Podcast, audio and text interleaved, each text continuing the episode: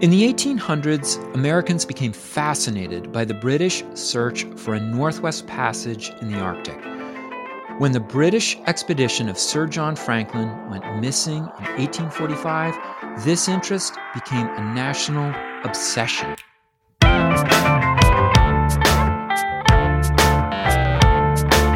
It's time to eat the dogs. I'm Michael Robinson. Today, Al Zambone talks to me about American polar exploration, the origin of Time to Eat the Dogs, and the history of science as an academic discipline. Zambone is the host of the podcast Historically Thinking.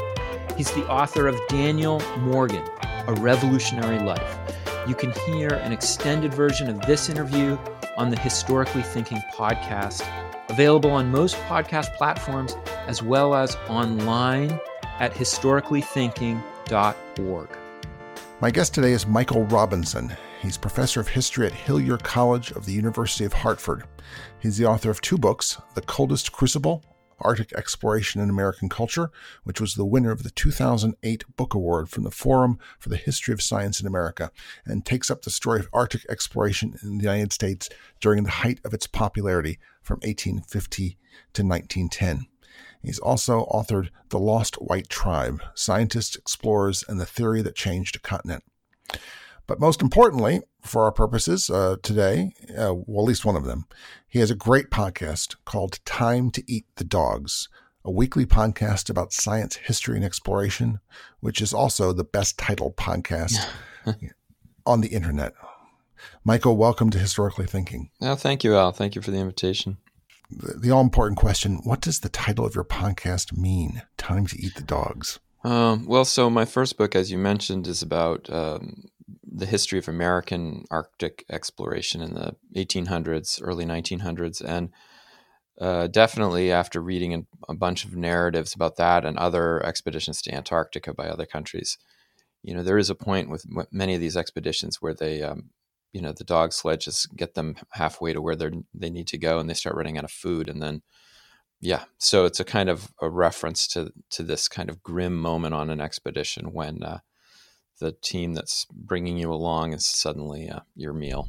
But apart from the arctic joke there is a deeper mm, meaning that i wanted to get to which is that oftentimes explorers are held up as these figures that are iconic for their bravery and courage and their daring do and their patriotism. And all of that can be true.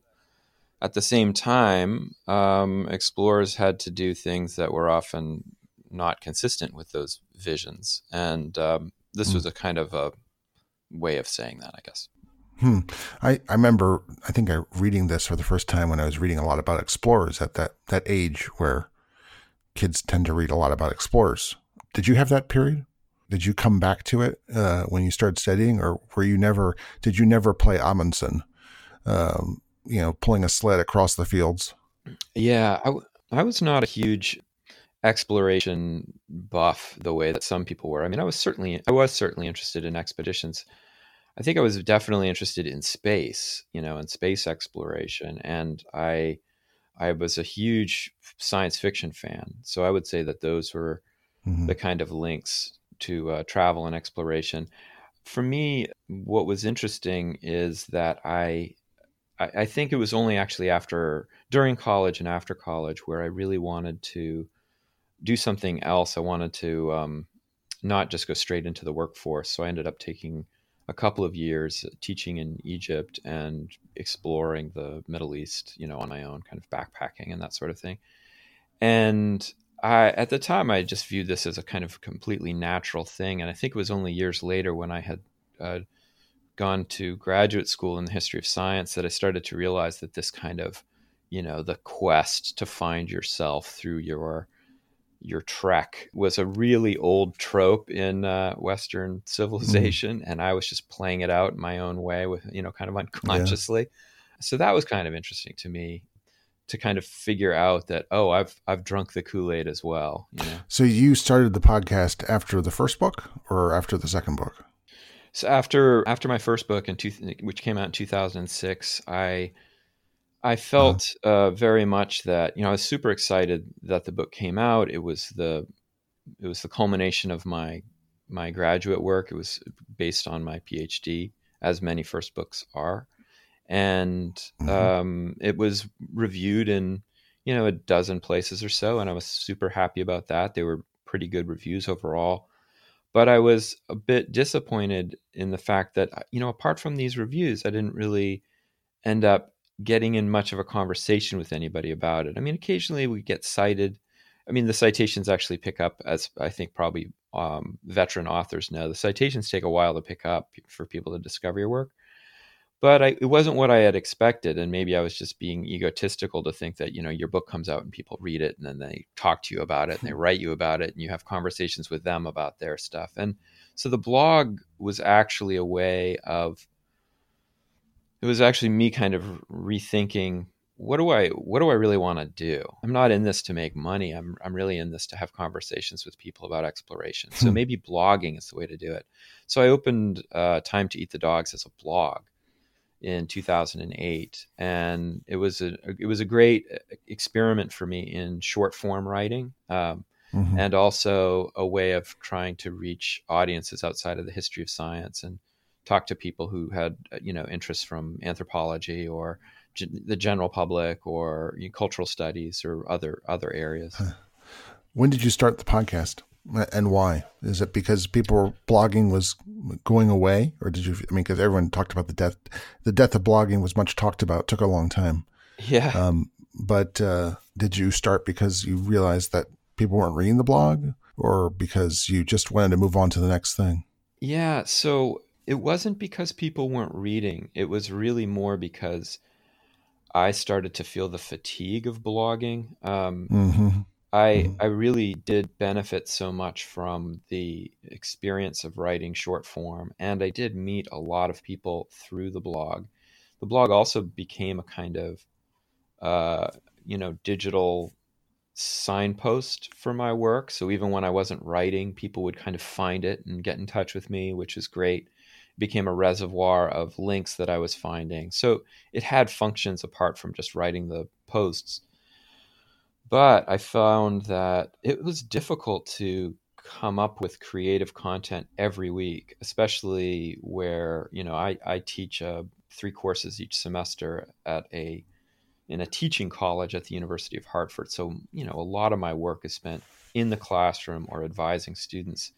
So it was really difficult to find the creative energy to do that, and almost impossible for me to write the blog when I was trying to write other works um, from articles mm-hmm. to monographs and so i just started getting t- i just started getting worn out and i found that the number of posts that i was writing you know three or four years after i started the blog just started to de- decrease i think simultaneously as you mentioned that people were finding even shorter form you know digital media to work on twitter and that sort of thing and so uh, the reason that i started podcasting was that I just started noticing that I was listening to more podcasts and that it had become a, a more important source of information for me than it had originally. And I really mm-hmm. liked it as a medium because I could um, listen to all kinds of different things while I was doing other things. I have, you know, I have three kids and it's difficult to find time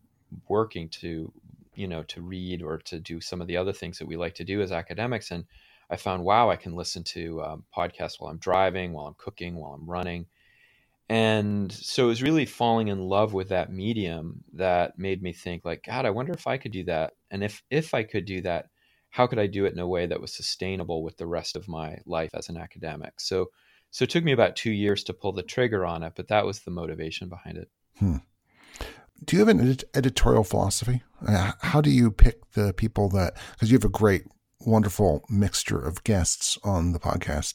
Um, is that just the books that are out? Is that just uh, how do you how do you pick them? So when I the one thing that I held to, on to as I was thinking about podcasting, I was I was actually quite terrified of doing it because I had no experience with audio technology. I didn't know any of the various formats that people use. I'd never really interviewed anybody either. And so there was a lot of the process that completely terrified me. The one thing I felt that I had, which spoke to the idea that maybe I could do this, was I know a lot of people who study exploration. you know, I mean, it's just been I've been working in this field for about 20 years, mm-hmm. and I know a lot of people, and probably I could hit most of them up for an interview. So that was like, okay, I've got a guest list. So that was how I originally kind of thought about it is that okay i've got some people i can talk to about interesting things. And as i got started what i realized it, you know I pro- you probably do this too you begin to keep track of the episodes that you run. And then i started to just create lists of the episodes that i'd run and the various subject matters that we had talked about and people i was interested in talking to and, and creating kind of thematic lists. Hmm. so Mine is also serendipitous in the sense that um, there's there's times I'll be at a at a conference and talking to someone, and I think, my God, I really need to have you on the podcast, and I'll try to s- schedule them. There are other people who um, I find through reading, you know, academic journals or even just reading the newspaper or natural, uh, National Geographic. There are people who get in touch with me also about work that's coming out, but I do try to be a little more systematic now in putting uh, the people that I am finding through one source or another into a kind of li- thematic list. So I'm not constantly giving people Antarctica stories. Uh, that, yeah. that, I'm mixing it up with uh, stories of encounter and stories of uh, you know from, just from different fields and different kinds of people. And uh, yeah, I do try to avoid. There are certain things I try to avoid. I'm probably never going to talk to people about exploration hmm. now because uh, you do it all, all the time and better. Okay, so I have my monopoly. You have your monopoly, and um, now uh, Daniel Gullotta has a pretty good Age of Jackson podcast. I probably probably going to cut down on the number of times that I talk to people about the early 19th century, although that happens. Um, so there are things I'm going to uh, avoid, but there are other things that just uh, I mostly do it by surveying university book catalogs. So let's talk about your first book, The Coldest Crucible, and that kind of relates. I'm curious to talk about that since that does relate to the title of your podcast. So, uh, as they say on the book tour, the best question you can be asked is, "So, what's your book about?" so, the coldest crucible is a history of American Arctic exploration, and I, I had become really fascinated in exploration as a topic in graduate school just because um, so I, I studied biology as an undergraduate and uh, biology and philosophy. And when I got to um, graduate school studying the history of science, I assumed I'd be doing 20th century history of biology. And my advisor, Lynn Nyhart at the University of Wisconsin, she studied 19th century biology. And I just fell in love with the 19th century. And science was so different in the way it was conducted. So much of it was field science. And the people who were doing really fantastically interesting work for me were people like Darwin and Humboldt and Huxley, who were going out on expeditions and finding cool stuff. And so I kind of fell in love with exploration through reading about those 19th century voyages. And as I considered what I wanted to do as a PhD and ultimately a book project, I just started looking around at areas of exploration that may have not been evaluated or analyzed in the same way as the ones I was reading about with Darwin what I found was there was a massive literature on polar exploration uh, at the at the state library in Madison, Wisconsin. There was two full stacks of books on polar exploration. Uh, so there was not a dearth of it, but I found that almost no academics were talking about it, and I was curious as to why that was. And so I, I dug into the subject of polar exploration and found that I think one of the reasons there wasn't a lot of a- academic work on it was because it was seen as a kind of race to the pole, but fairly frivolous and superficial in certain ways. There wasn't a lot of colonization or imperial claims being made to the polar regions. Uh, the science didn't seem like it was very exceptional. Uh, these these quests to be first at the North Pole go away once people actually get there. So I think there was a way in which people thought it was a kind of frivolous um, subject. And anyway, that kind of intrigued me. And so I ended up writing a cultural history of, well, if if people were doing all this stuff and writing so many books about it, why did they care about it? Why did they think it was so important? And gradually, as I continued realized that there was a story about the history of science and and the history of manliness. I mm-hmm. think what happens to ideals of manliness over time in the 19th century that kind of um, became a more organic part of that story. So that's what it is. It's really a cultural history of Arctic exploration. It does talk about expeditions, but its primary focus is well, why do these expeditions matter so much to people back home? And why, why did they matter so much? And why do you, why do they fascinate the public? What's your what was your conclusion? I think actually it was. Uh, I think the fascination with exploration was an acquired taste for American audiences. I think that hmm. the British and the French had figured out in the 18th century that there was a kind of voyaging that could be done under state sponsorship, usually under military sponsorship, that didn't have to be about conquering territory and extracting resources, that there were values to exploration above and beyond these things that, you know, sometimes they're called in, in the first age of discovery, you know, we're talking Columbus and the Portuguese and that sort of stuff, God, gold, and glory. By the 18th century, you know, people like Condamine and La Perouse and uh, certainly James Cook for the British, Bougainville, they started to do these expeditions not just to find stuff and bring it back home or to claim territory, but to actually show off the power and prestige of their nation.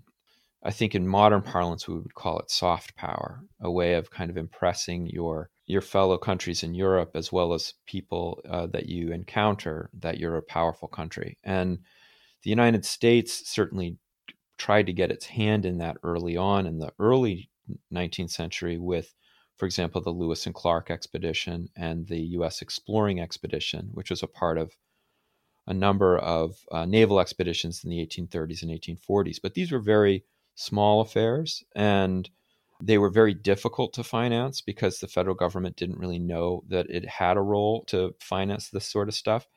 It was really when the British took on the process of trying to find the Northwest Passage in the 18 teens and 1820s that Americans started paying attention to the polar regions, usually just through the press.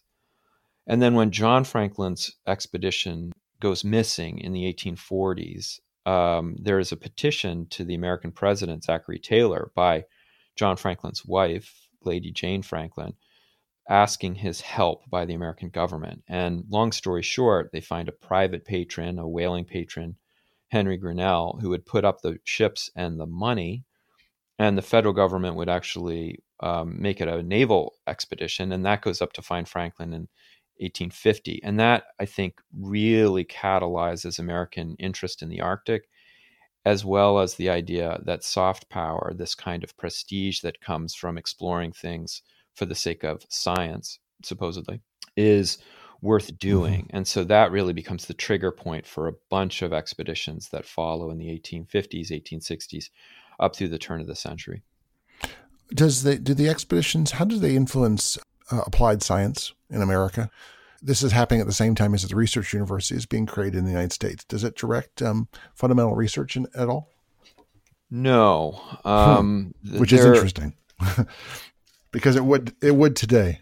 Yeah, there were definitely attempts, um, but the way that this worked was um, these expeditions. The first one was going up really on a rescue mission to find John Franklin. Mm-hmm. Uh, expeditions that followed in the wake of that had to come up with other reasons to go north. Some of them were actually uh, Franklin rescue expeditions or Franklin relic expeditions but these were expensive affairs. And so often, what explorers would do is they would talk to the scientific community and say, Look, we want to go up there. Um, tell us what you want, and we'll try to get it for you. Mm. And there was a kind of quid pro quo by which explorers would appeal to the scientific community, and the scientific community would then go to bat for them with members of Congress, with geographical societies, to try to drum up the funds and drum up the equipment for these expeditions and also give them at least the patina of something that was scientific and serious.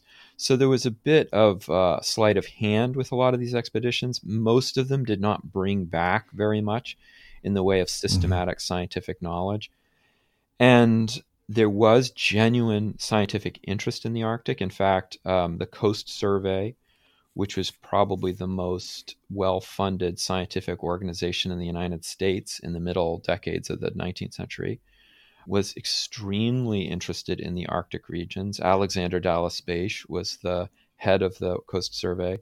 Matthew Maury was the head of the Naval Observatory. He was also very interested in the polar regions because both men thought that the polar regions held the key to a kind of climactic theory of of the world of that if we could understand if we could somehow mm-hmm. under unlock the the weather patterns of the Arctic that we might be able to figure out how ocean currents work around the world because there were some questions as to basic basic science questions like well you know if if the equatorial regions of the globe receive the most direct solar radiation every single day then where does all that heat go somehow it has to dissipate to other regions of the world so that there's a kind of equilibrium. Well, how does that happen? Mm-hmm. You know, according to what ocean currents or wind currents does this uh, is there this heat exchange? Um, so there were some really basic science questions, and so they did go to bat for Arctic explorers. They just didn't get back very much. The Greely expedition, which was a naval expedition that was sent up in the 1880s as part of the first international polar year, and it was an attempt to do a different kind of polar exploration, which was to set up a series of outposts, international outposts around the Arctic, which would all measure Arctic phenomena very systematically over the course of a year. So, geomagnetism and uh, or the aurora borealis and tidal measurements, uh, collections of flora and fauna, and that that would be actually collecting science systematically in a way that other expeditions that are just trying to find lost explorers or plant flags in the North Pole wouldn't be able to do. So that was an attempt mm. to hmm. do that kind of work.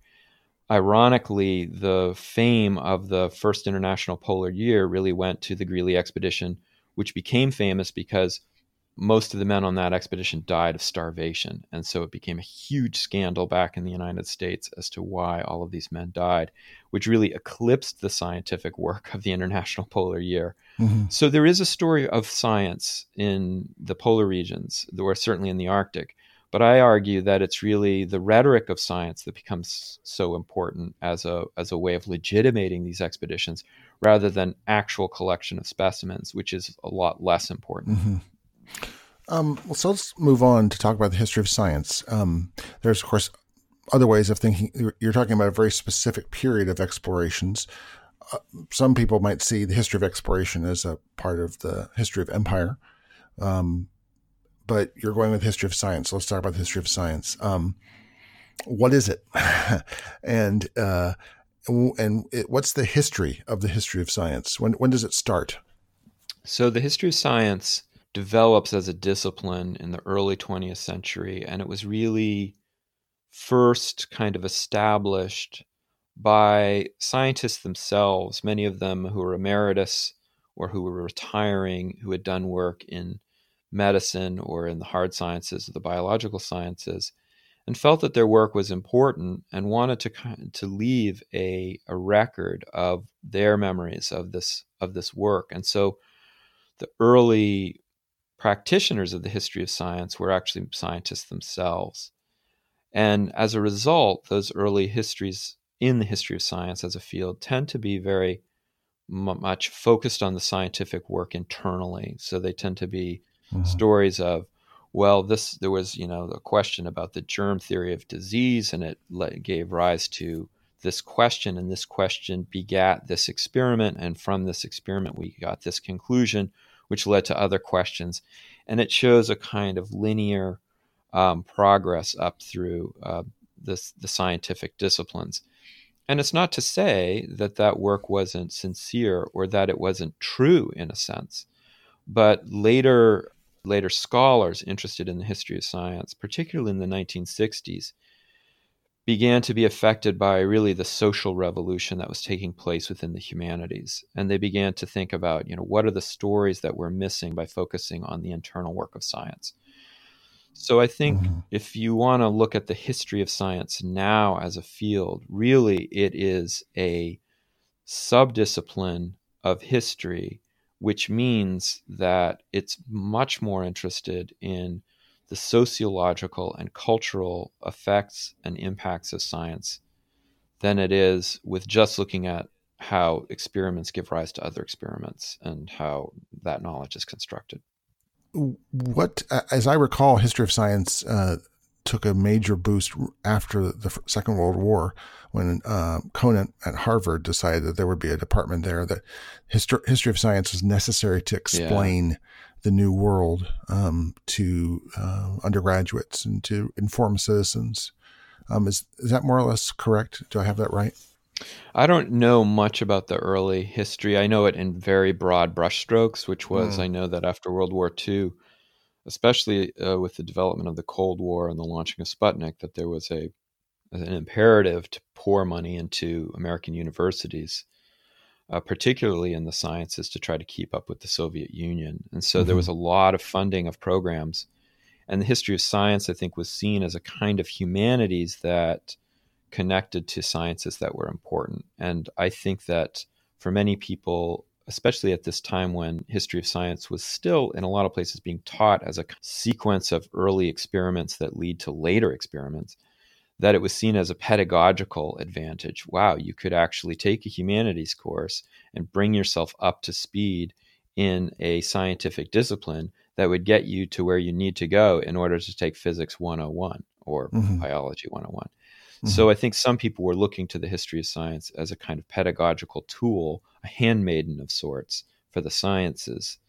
Um, mm-hmm. I think, as as I had mentioned before in my earlier answer, I think by the '60s that really changes, and people begin to see sure. history of science as something that's not just going to tell us about how we got to where we are in terms of science, the content of scientific knowledge, but how scientific knowledge itself is also a cultural product, and that we have to pay attention to that because if we start thinking that it's truly objective, we're going to run into a lot of trouble. So, does history of science do the, the, the questions that it tends to, the directions it go go, do, do they tend to follow the currents within history or the currents within science? Definitely, I think the history of science now follows the currents of history. Now, that's not to say that there aren't people who are influenced a great deal by um, scientific disciplines. And certainly, you can find many historians uh, of science, sociologists of science, philosophers of science who are actually integrated with scientists. I'm right now. I'm I'm talking to you from Tasmania. I'm I'm doing a fellowship at the University of Tasmania, and the people who are hosting me are humanities people who are working very closely with Antarctic researchers. And so there is a lot of really robust conversations between those disciplines.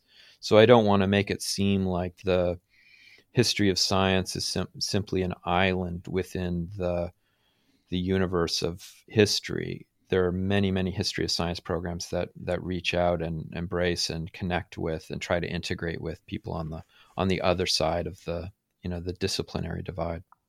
Yeah, you had a very exciting um, conversation recently uh, on your podcast with uh, a woman whose name I now forget uh, and didn't write down. Uh, who was uh, you were talking about the Hobbit Cave in Indonesia? Oh, Paige and, Madison. Yeah. Yes, and she was studying how the the how field work was being done on a cultural level, and as well as, but she knew a lot about what was being discovered in that really fascinating uh, treasure chest of a of a site in in, in an Indonesian island. Yeah, Liang Bua. Yeah, she's yeah. she's an, another incredible researcher. She, yeah, she's she's doing two jobs at once, wearing yeah. two hats simultaneously as someone studying the history of a discipline and really wearing the hat of an anthropologist or sociologist in talking to people now and seeing how they interact with each other. It's it's really mm-hmm. that's exciting work. Mm, very exciting. So, um, if someone wanted to read some books about the history of science, um, I mean, other than reading your books, um, that's a that's that's a given. Um, but if if you're going to give a short reading list to the interested listener to historically thinking or t- time to eat the dogs, uh, what would it be? So the books that kind of come to mind, I'm just going to give you some of the books that have been important to me yeah. These are not part necessarily of a history of science canon or a history of science and medicine canon. But I think that for me, they were very influential in how I thought about how people think about knowledge. Like One this. of them actually That's is written by an anthropologist, um, Lewin. Roger Lewin is his name, but it's called Bones of Contention. Uh-huh. It's probably 20, 25 years old now. He talks about. Paleo anthropology from Piltdown Man through Lucy and uh, you know all of these various discoveries. And the book, because he is a uh, trained in that field and gets does a lot of interview work, he's really able to give you a kind of fine textured view of it. And what I like so much about that book is that he shows really from the inside how much these discoveries are influenced by the expectations of the researchers doing the hmm. work. And it's not to say that what they're seeing is untrue, and it's not to say that they are lying or exaggerating about what they find, but it's just a beautiful rendition of the way that our own expectations c- color what we see and we can't get away from it. It's just it is you know it is part of the lens through which we see the mm-hmm. world. Um, but i think it's just a really convincing book for that. Another book that i love and it's not written by a historian of science or medicine but it's a Midwife's tale by Laurel Thatcher Ulrich uh, which has got to be now 30 years old or 35 years old but I think for anybody who is interested in thinking about trying to rethink what a field looks like, like the history of medicine, I found that book so interesting because she's really looking at a midwife who was pretty much unknown in the literature, um, who's working in the colonial area of Maine. I can't remember the town, but Hollis, I think Hollis, Maine. But uh, but talks about the life of Martha Ballard and how, really, more than any of the male doctors who actually got published, Martha Ballard was delivering babies and washing people who had passed away and taking care of colic and um, doing all of this work. And through her journals, really recreates, reconstructs a kind of economy,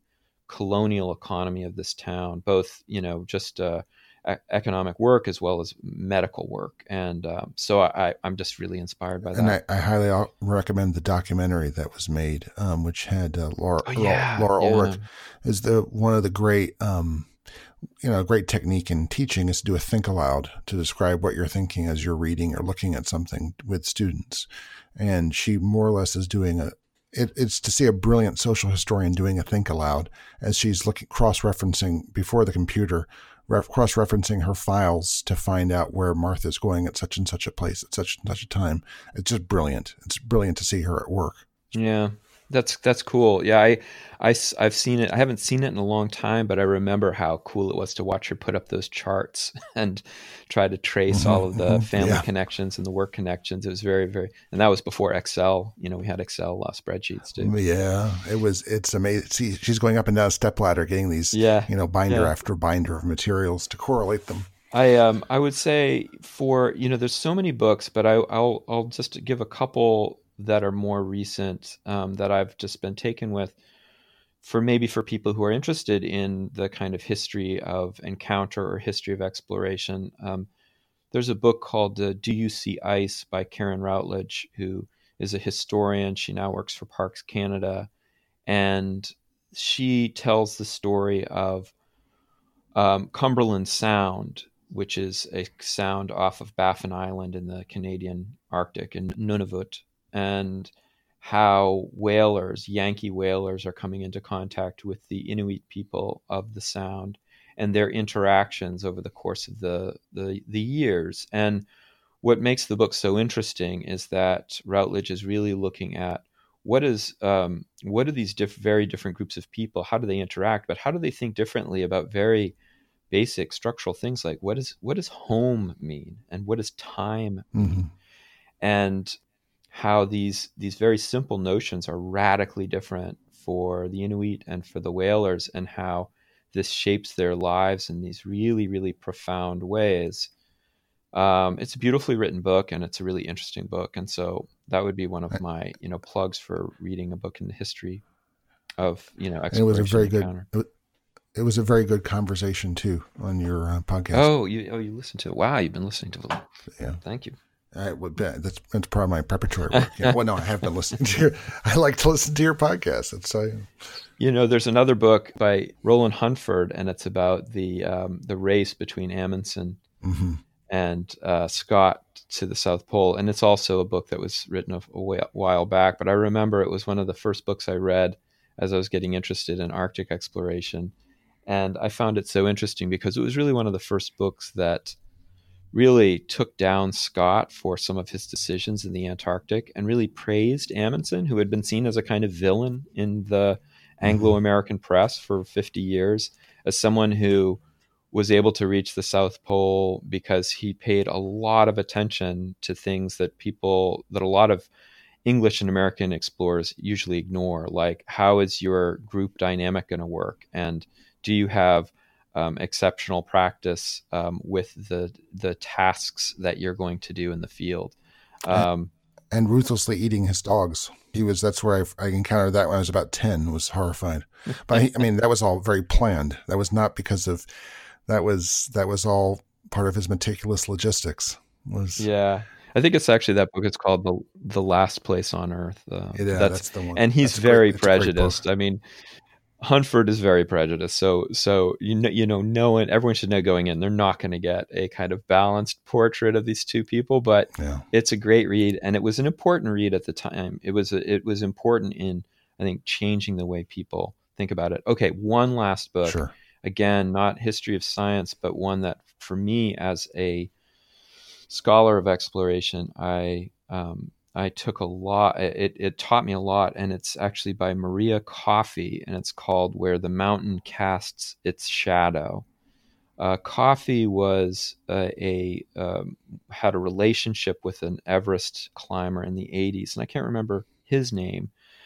He ended up trying to put up a new route on the north face of Everest and died. And she was bereft and wrote a book about these climbers who climb, you know, 8,000 meter peaks, but really the book is about what is the impact of these expeditions on the people back home and how you know how people suffer when when these climbers die or they're they're injured or they have frostbite and they have to have their noses and their their fingers amputated. And it's a very sensitive and thoughtful look at the imp- implications of of this kind of uh, extreme environment travel and um, and stuff that's often ignored in some of the kind of adventure porn that we see mm-hmm. on Amazon and you know mm-hmm. Barnes and Nobles.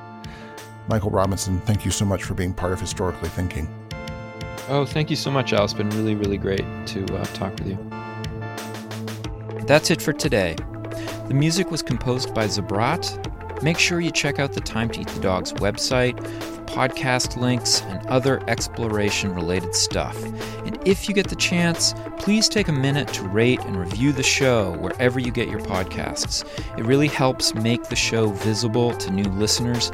And if you want to recommend a guest or make a comment, feel free to contact me at time to eat the dogs, that's one word, lowercase, at gmail.com.